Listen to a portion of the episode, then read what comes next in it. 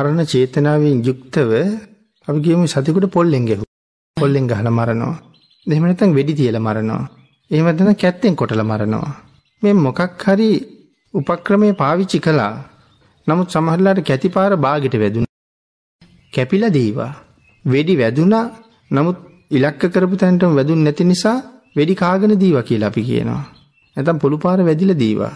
හැබැයි මේ පොළු පාර වැදිච්ච තැන තැලෙනවා. අපි සමහරට දුවන සතෙකුට ගලක් දාලා ගහනවා.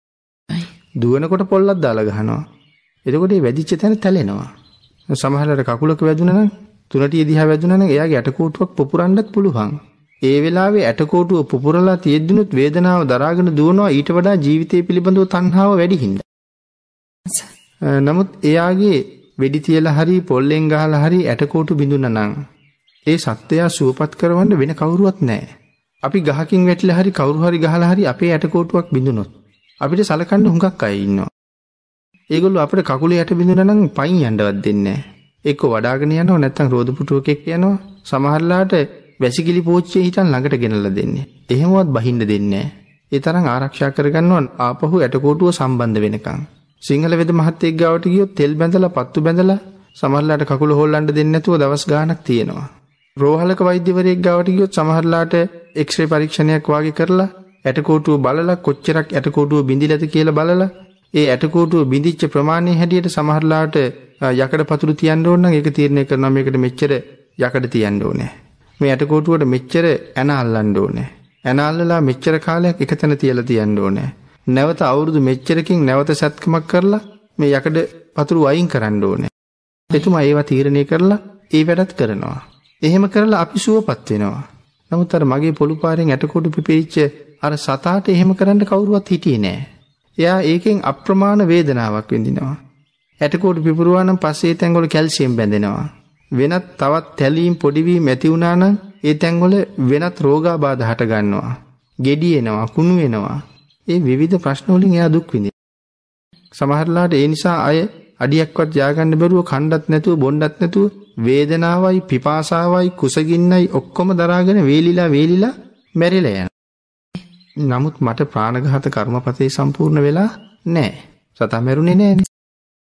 විඳින දුක් එයාට වෙච්ච වෙනත් තාඩන පීඩන ඒ ඔක්කොම මට සංසාරේ ඒ විදිහටම එකවතාවකට නෙමෙයි සිය දහස් වතාවේ විපාක දෙනවා. මං අතින් උනේ එක වැඩයි.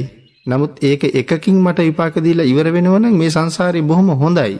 නමුත් එකකට සිය දහස් වතාවක් එකකට වන්දි ගෙවන්න වෙන එකයි මේ සංසාරේ එච්චර භයානක. ඒ නිසා වර්තමානයේ අද අපිට වෙන දේවල් පිළිකා හැදෙනවා. සමහරට අරයට පොල්ලෙන් ගහපු තැන ගෙඩියක් ඇවිල්ලා කුණු වෙලා නරක් වෙලා යාට පිළිකාවක් හැදුනා වෙන්න පුළුවන්. මටත් ඒකමයි මේ විපාක දෙන්නේ. දැන් අපි සමහරලාට පුද්ගලයන්ට ගහනවා. හතර දහ දිනක් වට වෙලා පොළු කඩාගෙන එක මිනිහෙකුට ගහනවා.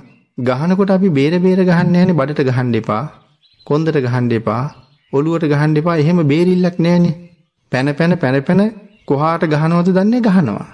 සමහරලාට පයින්ුත් ගහනවා. එතකොට අර උල් සපත්තුවක් එහෙම දාගෙන ඉඳලා බඩ දිහාට පයින් වැදුනොත් කොන්ද දිහාට පයින් වැදුනොත් ඒක වකුගඩුව දිහාට යනකම් ඇනෙන්න පුළුවන්. ඒකෙන් වකුගඩුවක් තැලෙන්න පුළුවන්. පස්සේ යාට ඒක නිසා වකුගඩුවේ ආබාධයක් වකුගඩුවේ ගෙඩියක් එන්න පුළුවන්. නමුත් අර ගහපු 10 දෙනෙක් ගැහුවනම් 10 දෙනාගෙන් කාගේ පාපහරද දන්නේ වකුගඩුවට වැදුනේ. ගහපු කෙනාට සංසාරේ ඒ ආබාධයේ ආත්ම සිය දහස් ගණන් විපාක දෙනවා ඒ වකුගඩුවේ ලෙඩේම. අක්මාවේ ලෙඩේම. කොඳු යට කැඩුවා නම් ඒකේ ලෙඩේම. ඔළුවට ගහලා වෙනත් ප්‍රශ්නයක් ඇති වුණා නම් ඒ ලෙඩේම එයාට ආත්ම සිය දහස් ගණන් වල විපාක දෙනවා. ඒවා තමයි මේ කර්ම රෝග හැටියට මතුවෙන්නේ. වකුගඩුව අමාරු කියනවා, අක්මා විදිමිලා කියනවා, දිය වෙලා කියනවා. අර පහරවල් වලින් අරයට මොකක්ද උනේ ඒක මට සිය දහස් ගණන් ආත්මවල විපාක විඳින්න සිද්ධ වෙනවා. නමුත් මැරුවේ නැහැ. කර්මපතේ සම්පූර්ණ නැහැ. ආන් ඒ නිසායි භාග්‍යතුන් වහන්සේ දේශනා කළේ මේ සතෙකුට ගලක් දාලා ගහනකොට අපිට හිතන්න දේවල් කොච්චර තියෙනවද? මේ ගල කොහෙ වැදෙයිද? කොතන වැදෙයිද? මොන වගේ තත්ත්වයක් උදා වෙයිද? ඒක මට සංසාරේ කොහොම විපාක දෙයිද?